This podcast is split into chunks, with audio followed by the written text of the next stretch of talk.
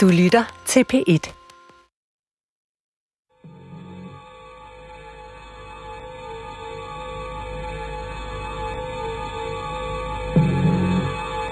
Den 11. december 2002 blev jeg overfaldet foran en døgnkiosk i den gade, jeg bor i. Det var tredje gang i mit liv, jeg stod over for en ukendt mand, der ville slå på mig. Og tredje gang, jeg ikke slog igen. Han sparkede ud efter mig, sigtede efter hovedet og ramte mig på skulderen, og han sparkede en gang til, og jeg så ham ind i øjnene. De lyste. Kom og slås, råbte han. Næh, sagde jeg. Jeg vil da ikke slås med dig. Så sparkede han igen, og så løb jeg. Du løber. Han løber efter dig. Og du klemmer dig ind ad døren i din opgang og smækker den bag dig. Så går du op ad trappen og ind i lejligheden, hvor du bor med din familie.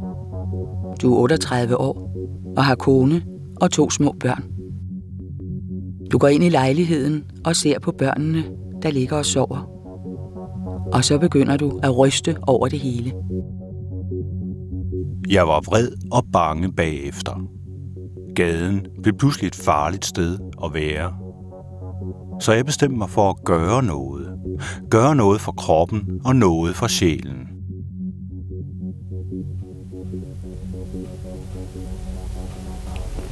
Lige om lidt, så lukker du øjnene, og så spørger jeg til, hvad der sker i din krop, hvad der kommer af indtryk.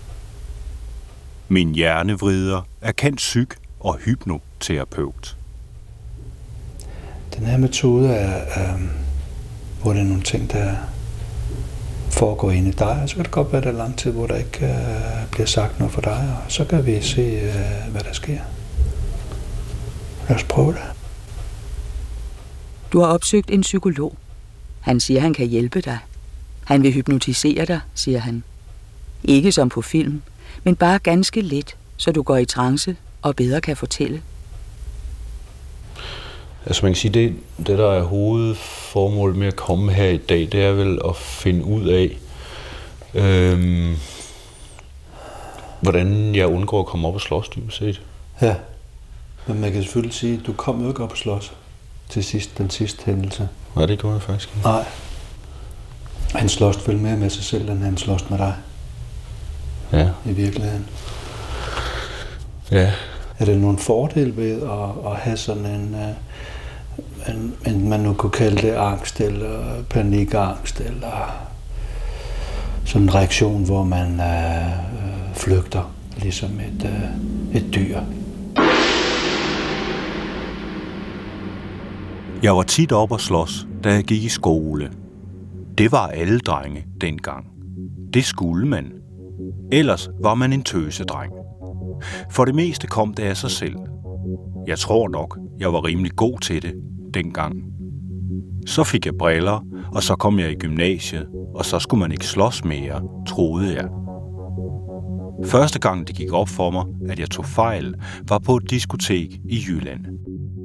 Du er halvfuld og sammen med nogle venner. På en barstol sidder der en lidt ældre fyr og kigger på dig. Han er lyshåret, har overskæg og pupiller som knappenålshoveder. Han rejser sig og siger noget, du ikke kan høre, fordi musikken er så høj. Jeg nikker venligt og smiler til ham. Så rejser han sig og siger noget mere, og så slår han ud efter mig og rammer mig hårdt på hagen. Og så løber jeg.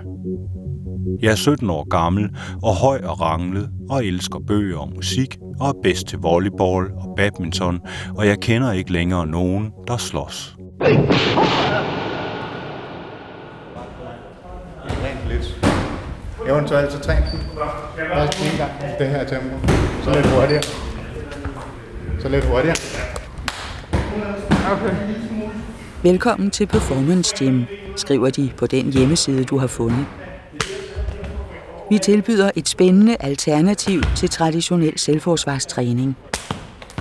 Vi har ingen grader og dragter og ingen hård disciplin. Ham der er i den hvide t-shirt, han er, tidligere Danmarksmester i Taekwondo. Så har vi en, der er meget, meget dygtig til Wing Chun. Uh, vi har også en anden, han er altså ikke i dag, der har trænet filippinsk kampkunst i mange, mange år. Så har vi nogle stykker, der har trænet brasiliansk jiu og jamen folk, mange folk de har trænet en masse hver. Min instruktør er en muskuløs, blond og meget hurtig mand på 28 år. Men øh, jeg tror, at ham, der har trænet længst, han har trænet to og et halvt år her. Er der nogensinde nogen af dine medlemmer, der er kommet op og slås, siden de begyndte her? Nej. Ikke udenfor? Ikke hvad jeg kender til i hvert fald. Fordi igen, altså, vi har ikke brug for det. Vi får afreageret alt, hvad vi kan her. Og vi ved, at ude på gaden, jamen, de færreste, de er alligevel... Det er ligesom en pudelhund og en chefer, ikke? Altså, en øh, pudelhund gør af cheferen, og cheferen er ligeglad. Sådan har vi det også. Først og fremmest, så er det psyke det hele. Hvis du kan psyke din modstander, jamen, så kan du vinde. Det er øh, i hvert fald langt de fleste tilfælde. Styrke har også noget at sige, og hurtighed, og selvfølgelig teknik, men øh, jeg vil nok sige, at øh, styrken det er faktisk det vigtigste. En gang til. Det lyder meget sjovt. Formålet med træningen er udelukkende at blive bedre. Ikke at opbygge et image omkring os selv. Du holder din arm meget langt fremme, synes jeg. Du er vildt åben. Træningen handler om at udvikle sig. Ikke om at vinde eller tabe. Kunsten ligger i processen, ikke i produktet. At fejle er nødvendigt for at udvikle sig. Det må og skal accepteres. Alle hjælper alle, og dårlig attitude tolereres ikke. Jeg har været Danmarksmester i teknik øh, inden for taekwondo. Og det, det, det var egentlig meget sjovt, men, men, men på et tidspunkt tænkte jeg, hvad er det her? Det er jo, det er jo mere sådan bare sådan en slags dans. Altså, det er ligesom at gå til dans. Der, det er jo ikke noget med, med decideret at, at forsvare sig selv, eller, eller slås på, altså med, med det at gøre. Så det begyndte jeg sådan at tænke over, at altså, der, må være noget, der må være noget mere. Der må være noget andet, som, som er mere fokuseret på det, og rent faktisk kunne gøre de her ting, end det fokuserer på, at det ser godt ud. Webmasteren på Performance Gyms hjemmeside er 15 år yngre end dig og har dyrket taekwondo siden han var barn. Han driver sit eget website for kampkunst, martialarts.dk. Aliveness handler om, at ting skal være levende, det man laver. At øh, der er ligesom sådan tre hovedpunkter. Det er timing, øh, motion and energy, hedder det. Altså når man træner, så bliver det nødt til at være en form for timing. Det vil sige, det er ikke bare sådan, nu går du frem et, så blokerer jeg to, og så sparker jeg tre. Hvis du ser øh, eksempel boksning, det handler kun om timing, stort set, fordi de kan have verdens bedste slag, men hvis ikke de har timingen til at ramme, så nytter det ikke noget. Så kan man ikke ramme. Hvis, hvis ikke man kan fange på det forkerte ben, og man bare sparker, så griber de benet, eller dukker sig, eller flytter sig, eller sådan, så nytter det ikke noget. Så det er den ene ting. Motion, det er, at der altid skal være bevægelse i de ting, man laver. At der ikke er nogen begrænsninger for, man skal ikke bevæge sig i bestemt mønster og sådan noget. Man skal bare bevæge sig naturligt, og kunne ruske hinanden rundt og skubbe hinanden op ad væggen og sådan nogle ting. Og energi betyder, at der skal være modstand fra modstanderen, simpelthen. At alt, hvad man laver, der bliver modstand, der skal modstanderen kæmpe igen. I stedet for, at, øh, at det er aftalt spil, kan man sige. I stedet for, så siger man så, der bliver nødt til at være noget energi. Vi kæmper begge to for at holde fat, og så kæmper vi mod hinanden om det. Øhm, og det er ligesom, jeg sige sådan overordnet, hvad er live skal ud på.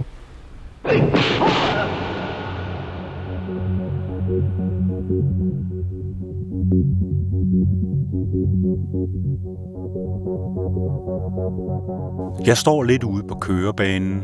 Han står på fortorvet. Han sparker ud, og jeg flytter mig lidt, så han ikke rammer. Men du har ingen parader oppe. Står bare der, med hænderne ned langs siden, og med en plastikpose med en flaske vin i hånden. Helt stille står du, som var du frosset fast. Han står foran mig med næverne oppe og højre fod fremme og kigger mig ind i øjnene. Han råber, hvad kaldte du mig? Og jeg siger, narrøv, jeg kaldte dig narrøv. Og så sparker han ud igen og siger, kom og slås.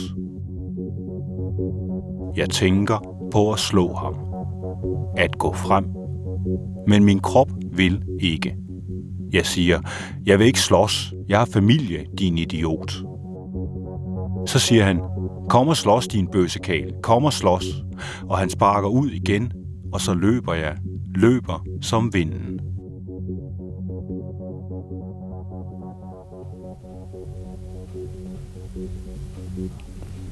Men hvad var det i virkeligheden, du gjorde, der var godt ved det, at du øh, flygtede der? Hvad var det, du gjorde?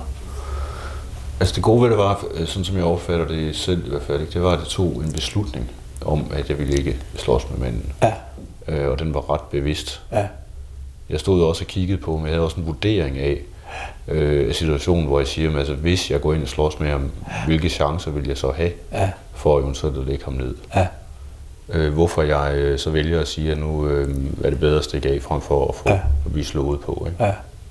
Og det må man jo sige også, som du jo tænker, at det er den, øh, det er den voksne, den øh, som har fornuften, den som har familien, den som har børn, den som har konen og, og de år tilbage, vi nu har at leve i.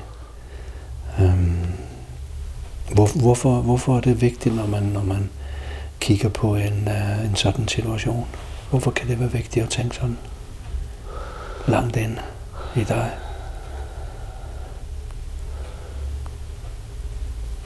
Altså det er vel primært fordi, at alternativ til at tænke sådan ikke er vanvittigt smart. Nej, Altså, alternativet til at tænke på den måde er, at øh, jeg skal øh, tage et slagsmål. Altså, så, så det, der sådan er tilbage i forhold til det, det er så stolthed, ikke? Øh, og ære. Ja. Ikke? samtidig er det, der er lige så vigtigt, at den fare, man står overfor, den er afgørende.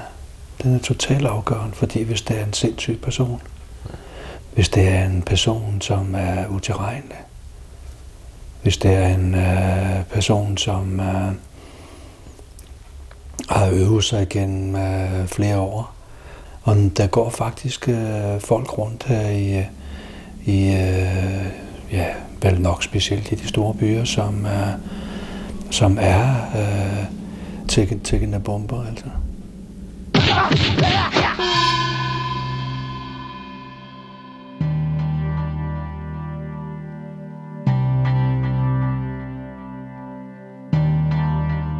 I koma efter slag med hammer læser jeg i Ekstrabladet. Det var fire-fem unge mænd, der var oppe at slås, og det endte med, at en af dem fik en hammer i hovedet. Nu vil han ikke vågne igen. Du læser aviserne, men statistikken er imod dig. Hvert år anmelder danskerne 500.000 sager til politiet. 16.000 af dem er voldssager. BT faldt død om efter vold på værtshus. En 25-årig mand blev slået af to teenagere, der kun gav ham et slag hver. Så faldt han ned af barstolen, og nu er han død. Den såkaldt simple vold, korporlige angreb og slagsmål, er den mest udbredte. Der er 30 procent mere af det nu end i 1990, siger sekretariatschefen i det kriminalpræventive råd. Ja, der er en mand, der hedder Van Dyer, der engang har sagt, at øh, det, man fokuserer på, bliver større. Og øhm, det er rigtigt, når man ser på, hvad der fylder øh, i folks bevidsthed. Øhm, de konkrete sager, der er mest grænseoverskridende, vil tit være dem, der bliver omtalt i medierne. Og også selvom de er atypiske. Og det vil også tit være dem, som gør et stort indtryk på folk, der hører om det. Øhm, og det kan så give et skævt billede af den reelle risiko. Men øh, set over en længere periode, så har der altså øh, været en stigende tendens i befolkningen til at anmelde til politiet den vold, som man mener sig udsat for. Det, der er centralt, vil jeg sige, hvis man ser det over en årrække, så har det været stagnerende.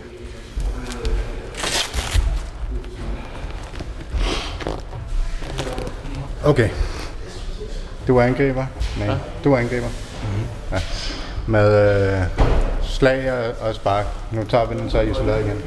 Du bruger kun hænderne. Det du gør, det er, at du holder hænderne rimelig højt op. Ja. I det øjeblik, der kommer et slag mod dit hoved, tager du det her Ja, med albuen. med albuen, ja. Ja. Og så gør du ind med nogle kædestræd, og så går du ind og afslutter med knæ og albuer og skælder. Okay?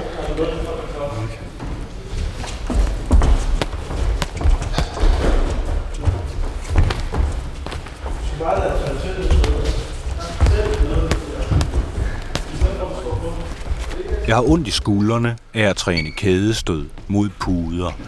Jeg har slidt huden af knorene på begge hænder, og så har jeg en lille bule i hovedet, fordi jeg har nikket skaller. Ellers har jeg det faktisk godt. Rigtig godt i kroppen. Gadekamp på hjemmesiden. På gaden gælder andre regler end i ringen og til træningen. Det er kun i en ring, at en kamp starter i en pæn afstand mod en modstander, man er forberedt på at møde. På gaden spiller mange andre ting ind. Overraskelse og flere modstandere. I scenarietræning øves reaktionsbetinget selvforsvar, som er livsvigtigt i de første sekunder af et overraskelsesangreb. Rapid Assault Tactics, kaldet RAT, er et meget komprimeret system med det formål at forsvare sig så hurtigt og effektivt som muligt. Et hvert angreb besvares instinktivt med tre simple trin. Smerte, pres og afslutning. Jeg gør det her ganske frivilligt. Lad mig slå på, sparke i skridtet, få skaller i hovedet og slag på ørerne, og jeg slår igen, for at min krop ikke længere skal frygte det alt for voldsomme.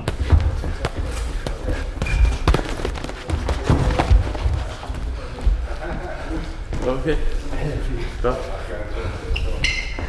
Min modstander og jeg har selvfølgelig beskyttet os. Vi bruger handsker, og så har vi hjelm på, når vi slår mod hovedet. Hjelmen er hård nok til, at man ikke brækker noget, siger min instruktør, og tilføjer, at man godt kan blive slået bevidstløs. Der er nogle, nogle ting på kroppen, nogle punkter på kroppen, øjnene, skridtet, struben, sådan nogle ting. De virker altså, og det er lige meget, om han vejer 40 kilo eller 140, ikke? Men det svære der, det vil jo så det er svære at vende mig til det, er virkelig at vende mig til at skulle skade en anden person. Det er rigtigt. Den, det er en barriere, som ja, egentlig så er der ingen af os, der ved, om vi overhovedet har, har overskrevet. Altså det eneste, man kan sige, det er, jo mere man træner jo mere bliver det bare en naturlig refleks. Det er ikke engang noget, jeg tænker over. Og det,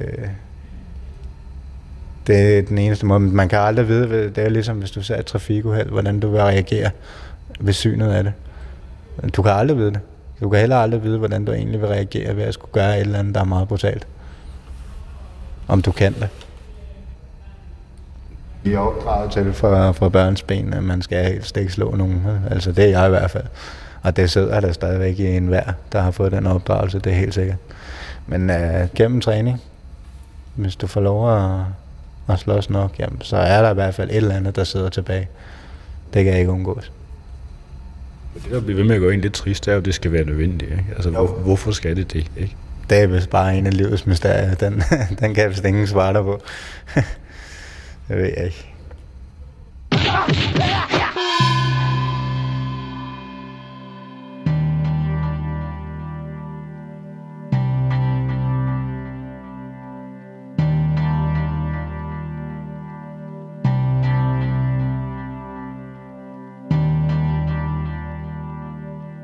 Jeg er 23 år gammel og journalistelev, og er sammen med en anden elev, Tom, på vej ud for at lave radiooptagelser på et luksusdiskotek i Aarhus. Vi har nagrebåndoptagere i fine lædertasker over skuldrene. Vi går på en brostensbelagt gade klokken 9 om aftenen, og her er mange mennesker, og diskoteket er 30 meter væk. Vi passerer en port, og pludselig træder en lille tæt fyr hen foran mig og skubber til min skulder, da jeg passerer ham. Hvad er du ude på, spørger han. Ingenting, svarer jeg let, og vil gå videre. Jeg fokuserer på døren og den dørmand, der står der. Så kommer den første skale. Den lille mand hopper en meter op i luften og slår sit hoved mod mit. Jeg forlader min krop og ser pludselig alting, som stod jeg ved siden af mig selv. Du kan se dig selv. Du kan pludselig også se tre andre fyre, der kommer ud inde fra porten. De tager tilløb og sparker efter dig og Tom, mens de siger, Pengene, kom med pengene. Du ser dig selv få et spark i hovedet, og din næse begynder at bløde. Du ser Tom slynge sin båndoptager rundt i en cirkel, og han bliver også sparket. Og du står uden for dig selv og ser på. Jeg ser dørvogteren, der ser væk, og jeg ser skræmte, pæne mennesker, der vender ryggen til det hele. Jeg ser mig og tænker, hvorfor slår jeg ikke igen? Hvorfor tæsker jeg dem ikke bare? Jeg er stor og stærk, og jeg burde gøre det. Du rækker hånden ind i inderlommen og giver dem din pung. Båndoptageren er der en af dem, der allerede har flået af dig. Det samme sker for Tom. Og pludselig er de væk. Kun lyden af fødder på brostenene tilbage. Og dørmanden, tre meter væk. Dørmanden, som smiler. To dage efter tager jeg på politistationen og ser på forbryderalbum hos en rar betjent. Men jeg kan ikke genkende nogen af dem. De ligner alle sammen hinanden med deres spidse øjne og pupiller som knappenålshoveder. Men jeg møder dem igen. I flere måneder efter ser jeg dem eller nogen, der ligner, på gaden hver dag, og jeg skifter fortov igen og igen.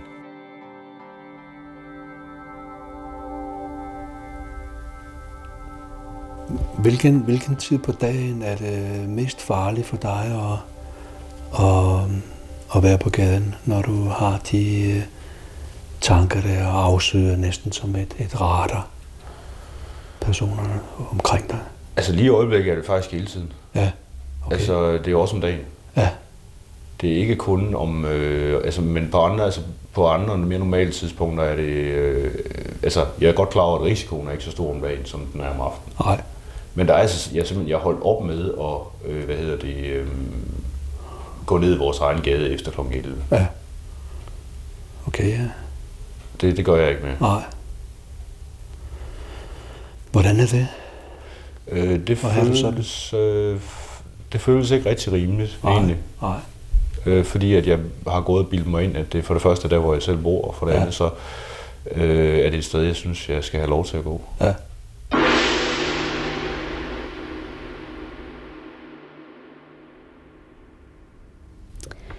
Et overfald, det kommer meget sjældent, uden at der har været et forudgående, en forudgående advarsel. I mange tilfælde så prøver voldsmanden først at ligesom starte en diskussion, eller at forsøge at provokere offeret, sikkert for at få en undskyldning for sig selv til at begå overfaldet. Og øhm, det kan jo være alle mulige ting, at man har kigget på hans kæreste, eller man har sat fødderne et sted, han ikke synes var rigtigt. Og der er det vigtigt i sådan en situation, at man forsøger at beherske sin frygt, at man ikke virker bange, hvis man overhovedet kan undgå det, og at man ikke lader sig provokere, at man ikke lader sig hisse op, men man prøver at glide af og ligesom nedtrappe konfliktsituationen.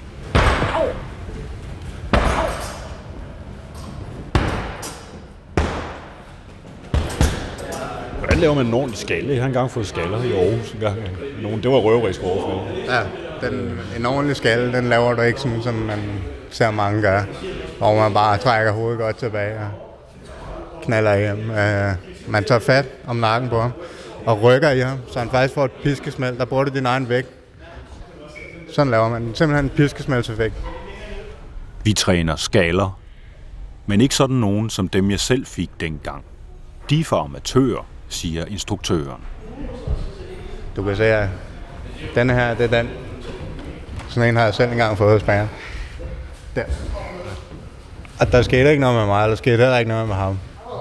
Overhovedet. Men vi var begge to sådan lidt øre i hovedet.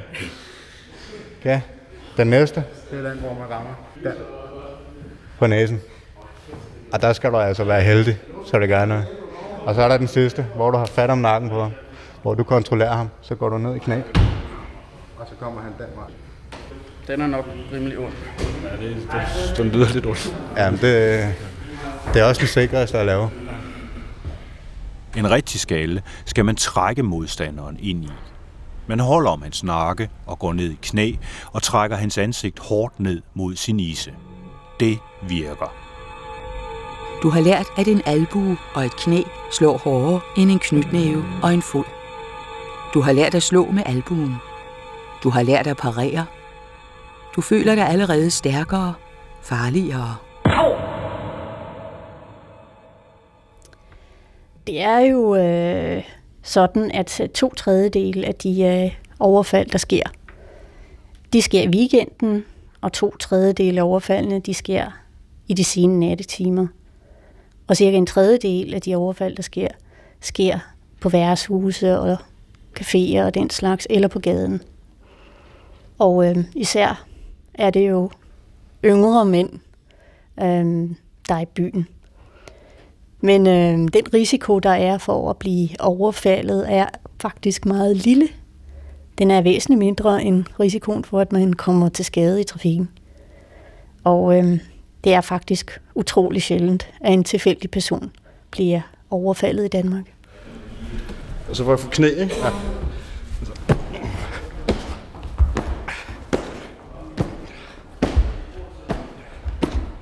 Jeg giver knæ i skridtet. Min modstander holder en pude foran sig. Jeg holder ham fast om nakken og prøver at give knæ. Men han gør modstand. Han flytter sig. alle kan lave et effektivt system. Altså, alle kan sige, ja, mit er totalt effektivt, fordi jeg kan, jeg, vi giver bare knæ i, i skridtet, og vi laver albuer og nikker skaller, og så må det jo være det vildeste, ikke? Og alle kan jo også se logikken i, at, at hvis man kan give en knæ i skridtet, så er det fantastisk effektivt. Øh, det, det er der, der er ingen tvivl om. Men øh, det, som virkelig mangler, det som man ikke kan skrive ned på papir, det er, hvordan man gør det. Hvordan man egentlig giver en et knæ i skridtet. Fordi det er med mig svært. Det er med svært at ramme, når han også prøver på at give dig knæskridtet. Øh, og det, det tror jeg er et kæmpe problem, at, at lige så snart du har noget, du træner, hvis lige så man skriver det ned, og tager billeder af det, og skriver det ned fra ende til anden, alle teknikkerne, så dør det. Fordi det er det imellem teknikkerne, der, der, der ligesom er bestemmende for, hvor, om det virker. Altså det er sådan noget som, som positionsarbejdet, og det som vi kalder aliveness, at det skal være levende. Hvis ikke man kender til, hvordan det er, der virkelig står en og prøver på at rive og roskitter og virkelig prøver på at vælte, og samtidig så lærer man aldrig at give en knæ i skridtet. Hvad er det, han laver? Ja, han prøver at, at simpelthen at kvæle ham ud med en, en eller anden t-shirt. Jeg har faktisk aldrig set noget lignende. Det er hjemmeopfundet, det der, tror jeg. På brydemotterne foran spejlene i rummet uden vinduer ligger der to mænd. Omkring dem sidder fire andre og kigger på, som var de videnskabsmænd, der overværede et forsøg. Den ene mand er meget større end den anden. Den store sidder øverst, til syneladende klemt fast mellem den lille ben. Den store mand har viklet en t-shirt om halsen på den lille, der ligger og gisper efter vejret og bliver mere og mere rød i hovedet. Den lille overgiver sig med to klap i gulvet. Den store mand rejser sig fra måtten og drikker vand.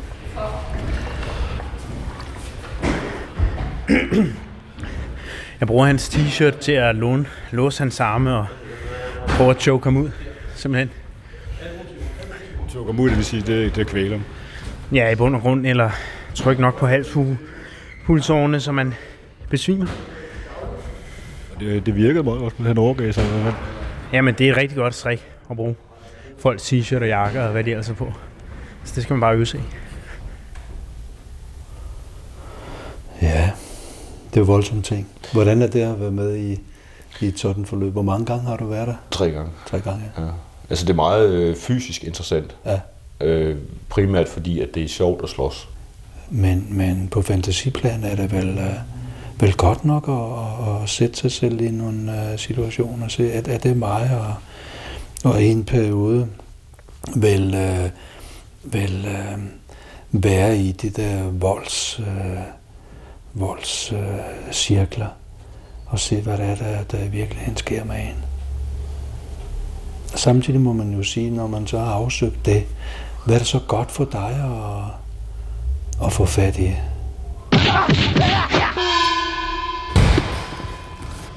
Okay, prøv her. Det vi siger, stort set alt er til, er det ikke? Er slag, spark, knæ, albuer, skaller, whatever. Også på gulvet. Det er vi enige om, ikke? Det er lørdag, og jeg er til klubmesterskab. Webmasteren gennemgår reglerne. Knæ til hovedet på gulvet. Det ved jeg ikke. Måske, altså, ja. Det er simpelthen... Må man ikke det? Så skal det i hvert fald være på samme måde som sådan, at man kun simulerer dem, ikke? Kontrolleret, ikke? Totalt kontrolleret. Ikke noget med bare at hamre dem over hovedet. De har sagt, du godt kan være med. Så jeg skal jo sparke til hovedet, når man står på modstanden ligger ned. Men det er vel egentlig, det er vel egentlig okay. Er hvad? Hvis, hvis han ligger i garden, når man sparker efter hovedet, må man vel gerne. Jeg ved ikke med frontale spark til hovedet. Når vi står selvfølgelig Ja, fint nok. Altså generelt, så skal vi bare passe på hinanden. Yes. Om det er vel næsten det. Og hvor mange er vi? 1, 2, 3, 4, 5. Jeg synes, vi kæmper alle mod alle. og så de to- De to bedste kæmper vi Jeg er her som tilskuer. Jeg har set dem øve sig, og nu føler jeg mig ikke så farlig mere. De er næsten 20 år yngre end mig. De har trænet i overvis. Jeg kun nogle få gange. Du står på kanten af måtterne, mens de andre løber rundt og varmer op. De slår på sandsække og skyggebokser. De ifører sig kampudstyr, tandbeskyttere, ankelbeskyttere, små handsker med lidt for på knoerne, skridtbeskyttere, hjelmen. Der er lavet en øh, undersøgelse, hvor man har spurgt folk, øh, om de har været udsat for, for vold i det seneste år. Og den undersøgelse viste, at ca. 1,5 procent af personer mellem 16 og 74 år bliver overfaldet på et år. Øhm, og risikoen er størst, hvis man er mand under 25 år, alkoholpåvirket og tidligere har været udsat for vold. Det gælder for alle ofre. Risikoen stiger. Ved, øh, hvis du har været overfaldet en gang, så er risikoen større for, at du bliver overfaldet igen. Hvis du aldrig har været overfaldet før, så er risikoen 2% knap. Hvis du har været overfaldet en gang, så er den 29 procent. Hvis du har været overfaldet to gange, så er den 46 procent. Um, og man kunne jo forestille sig, at den omstændighed, at øh, man har været overfaldet før, gør, at ens frygt er større. Og at man derfor i højere grad risikerer at blive offer igen. Webmasteren er dagens bedste kæmper. Han er også den største og tungeste. Mellem kampene går han rundt og fortæller vidigheder og er let og glad. Men når han tager hjelmen på, bliver han koncentreret, tændt og lynhurtig.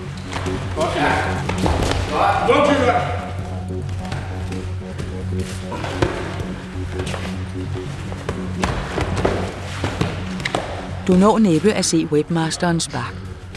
Det kommer helt nedefra og meget, meget hurtigt. Foden rammer hans modstander lige på kæben, og han falder bagover ned i madrassen. Han er oppe få sekunder efter, men kampen er afgjort. Det er slut. Det var fandme godt. Det er godt på video af det der. Åh, oh, det var rent knockout, mand. Ja, det var sindssygt. Og første gang, jeg har fået taekwondo til at virke. Det var simpelthen øh, højre fodspark. Direkte. Rent lige til kæben. Ej, det, jeg må slet ikke sparke så hårdt. Det, det, det, skal vi, det skal jeg ville være med. Jeg ved ikke, hvad jeg skal købe. Lige pludselig dom, så blev det bare helt hvidtræet. Blev du væk? Gik du ud, eller Ja, helt. Bare se, hvis du får hovedpine, jeg har sådan en bil med. Jeg har også med. Så er der også fået en, en clean knockout. Ja. Gik du ud? Eller? Gik du simpelthen ud? ja. Var sådan hvid? Ja, der blev bare øh, sort og hvidt, og så okay. mærkede jeg gulvet. Var det, det var ikke tunnelen, du så? Nej. Det var altid noget. jeg gik mod lyset, og så... Nå, så er det min. Jeg har lige set min første live knockout, og underligt nok var det ikke skræmmende eller uhyggeligt. Jeg konstaterer bare, at heller ikke jeg ville have haft en chance her. Og at uanset hvor længe jeg havde trænet først, ville jeg aldrig have set det spark komme. Jeg var også gået ned. Jeg var også gået mod lyset. Jeg tror nok mere, at det var chokket. Altså over, at det Ja, kom det så pludselig? Hvis du ikke engang jeg, kunne havde, se. jeg, så, jeg så det slet ikke. Så er der heller ikke noget nakken til at sige. Den går også meget hurtigt. det, det må jeg sige. Taberen tager det pænt. Han sætter sig ikke ned og græder eller noget. Han ryster bare lidt på hovedet og stiller ufortrødent op i tre kampe mere, som han også taber, fordi han er en af de mindste. Men han er også den, der får mest respekt fra os andre. Flest klap på skulderen. Fordi han kæmper for at vinde hver eneste gang, og fordi han ikke er bange. Glem dit ego. Det er i hvert fald det absolut vigtigste. At være beredt på bare at løbe i stedet for at glem alt. Du kan være ligeglad. Hvis du kommer væk, jamen, så har du sådan set vundet. Så har du i hvert fald ikke tabt. Og du kan altid risikere at tabe. Øh, og lær, lær at forsvare dig. Hvis du kan forsvare dig, så behøver du ikke at slås. Det er sådan set det vigtigste. Lær at snakke. Hvis du kan snakke, så kan du snakke, det var det meste og lær noget psykologi, så du kan virke intimiderende, hvis du skal. Hvis du kan det, så er der, der er ikke 10 måder, der er dem, og der er ikke flere. Ikke i mine øjne.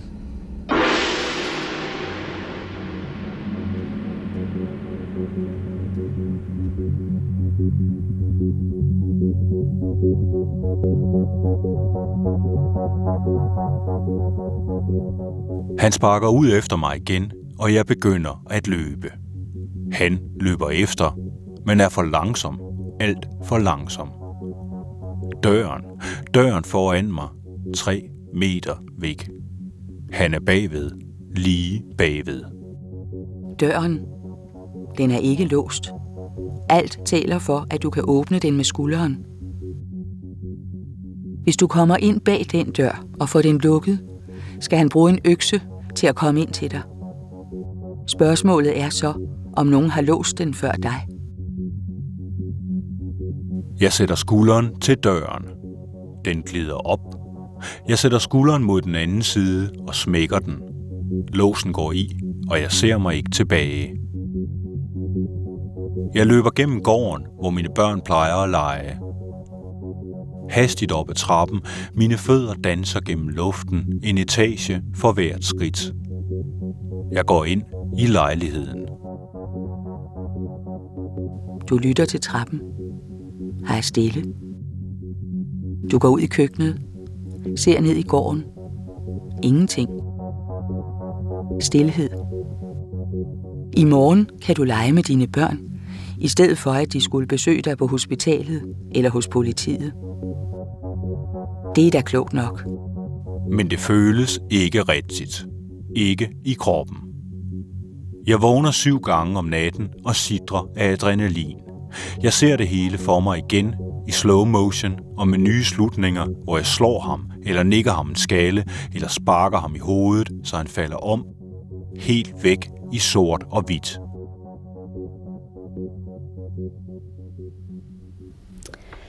Det handler om at ikke øh, øge konflikten, men at begrænse den. Og øhm, forhindre, at tingene udvikler sig. Og øhm, efter vores opfattelse, så gør man det bedst ved øh, at virke afvæbnende og neutral. Lad være med at lade sig provokere og hisse op. Det kan selvfølgelig være svært, men det er nogle vigtige elementer. Det kan jo simpelthen øh, være rent fysisk at holde armene op og rette håndfladerne mod den, som, som virker truende. Altså jeg har altid, som de fleste mænd i virkeligheden, tror jeg, har haft en, en forestilling om mig selv øh, i en voldssituation. Jeg tror, de fleste af os render rundt med en idé om, at vi i virkeligheden er John Wayne indeni. Øh, og at når der kommer nogen imod, så skal han bare have sådan lige højre, øh, og så vil han gå ned, øh, mens der er sådan nogle små pipfugle, der kvider rundt om ørerne på ham. Eller vi er Bruce Lee, og han skal bare have et eller andet spark, eller sådan noget. Vi har de der filmidéer øh, om, hvordan slagsmål er. Jo. Så det vi bliver øh, fyldt med film, øh, pubertetshelte for os, når vi ser det her. Vi har jo alle sammen det, som du siger, i os, men på et tidspunkt der er der nogen, der, der måske forlader det der volds øh, Ja, det- tanker, volds, måske voldsromantik, hvem ved? Ja, det er det måske. Ja, måske. Det er også nogle billeder af, som man har som barn, Ja. øh, som, eller som voksen og som Ja. ja. halvvoksen dreng. Ja. Der er jo også hele de der ting, vi er vokset op med som mænd, som jeg mener også er en del af, hvad skal man sige, mænds byrde Ja. i virkeligheden. Jo. At vi lever med, øh, altså med ære Ja. som et begreb, Ja. med øh, ideen om, at vi skal øh, med helten Ja. som begreb. Jo. Øh, at vi er den, som, være den, som kan som mand betragte, ja. kunne øh, ændre en situation, Jo. kunne bryde ud, eller kunne, kunne gøre et eller andet, kunne stoppe noget, kunne være Jo, resolut. Det er jo vigtigt at være en held. Og en, øh, når jeg nu er psykolog, ikke, at være en held i sit eget liv. Ikke?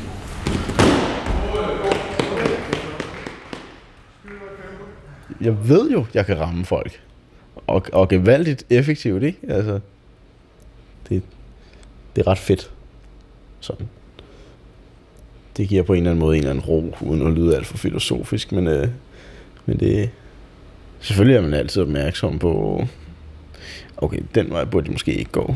Øh, men altså, den selvtid gør bare, at man tør ikke sådan noget, altså man er ikke bange for ikke at kigge ned, hvis man går forbi en eller anden på gaden, eller stå et eller andet mørkt sted, hvor der står en eller anden skummel en, eller sådan noget. Altså det, det rører mig ikke sådan rigtig mere.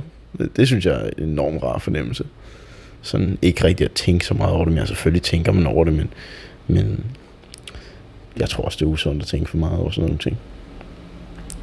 Hele tiden gå og have det i baghovedet og tænke på, åh oh, mand, hvad nu sammen med ham?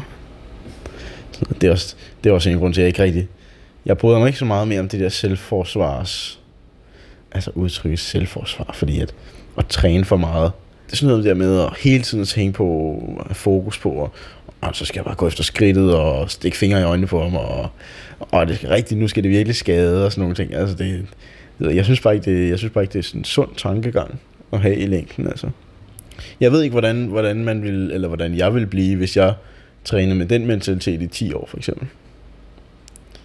Altså, hvilken, hvilken, øh, hvilken personlighed vil man udvikle sig til, ikke?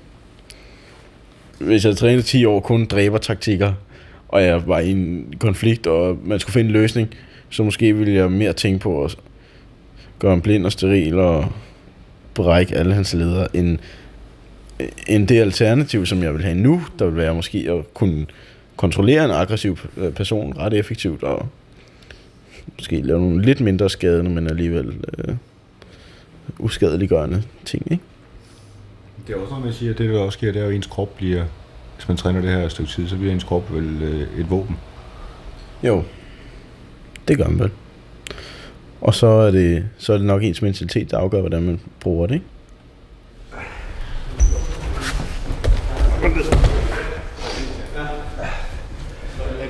Sted, man kan ende, det er på ryggen. Hvor du har ham hernede. I det, der hedder din guard. Ja. Okay.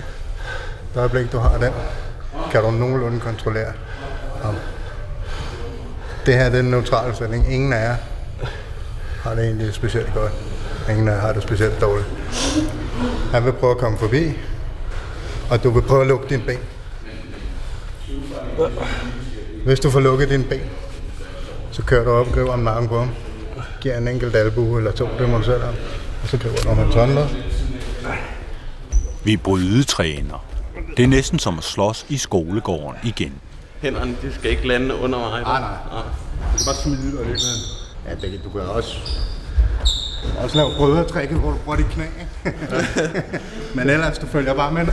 Ja. Dengang vandt man, når man sad oven på den anden og lagde knæene på hans biceps, og så skreg han og overgav sig, og så behøvede man ikke at slås med ham mere. Sådan er det ikke på gaden. Her skal man brække hans arm, kvæle ham eller slå ham bevidstløs, hvis man skal være sikker. Så samler du benene så tæt du kan til. På begge sider. Helt op til hovedet. Og så løfter du i hoften. Sådan her. Ja. Så kan jeg ligge og brække en om dybest set. Ja. Okay. Vi brydes, og min modstander er stærkere end mig. Det er der ikke noget at gøre ved. Jeg bliver ikke 25 år igen. Jeg bliver ikke hurtigere, ikke smidigere. Så måske er jeg blevet klogere. Jeg har jo været i kamp i virkeligheden. Ikke kun her i lokalet, men på gaden. Tre gange i virkeligheden.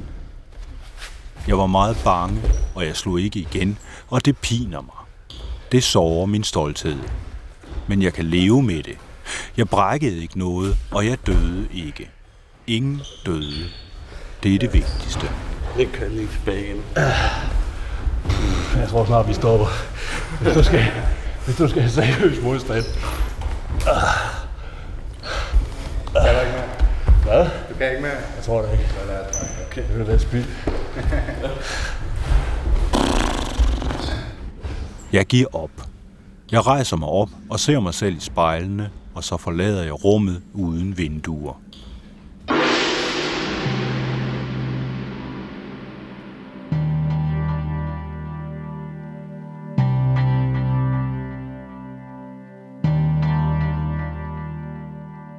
Du har mødt manden fra døgnkiosken igen. Ham, der ville slås med dig i december måned. Det var samme sted som sidst. Han så mindre ud denne gang, og hans øjne var blidere. Jeg ser ham ind i øjnene, og vi genkender hinanden. Så slår han blikket ned. Jeg vender ryggen til ham et øjeblik og lader som om han ikke er der. Det er nu min hævn. At lade som om han ikke er der, og så være klar til ham, holde øje med ham og vide, at han ved det. Vi kender jo hinanden nu. Da jeg vender mig igen, er han på vej væk. Jeg følger efter ham et stykke, for at se, om han stadig vil mig noget. For at være sikker. Men han går hastigt væk fra mig, og ser sig kun stjålen tilbage en enkelt gang. Du ser ham forsvinde ned ad en sidegade. Så drejer jeg selv om et hjørne og går ind gennem porten ind i lyset.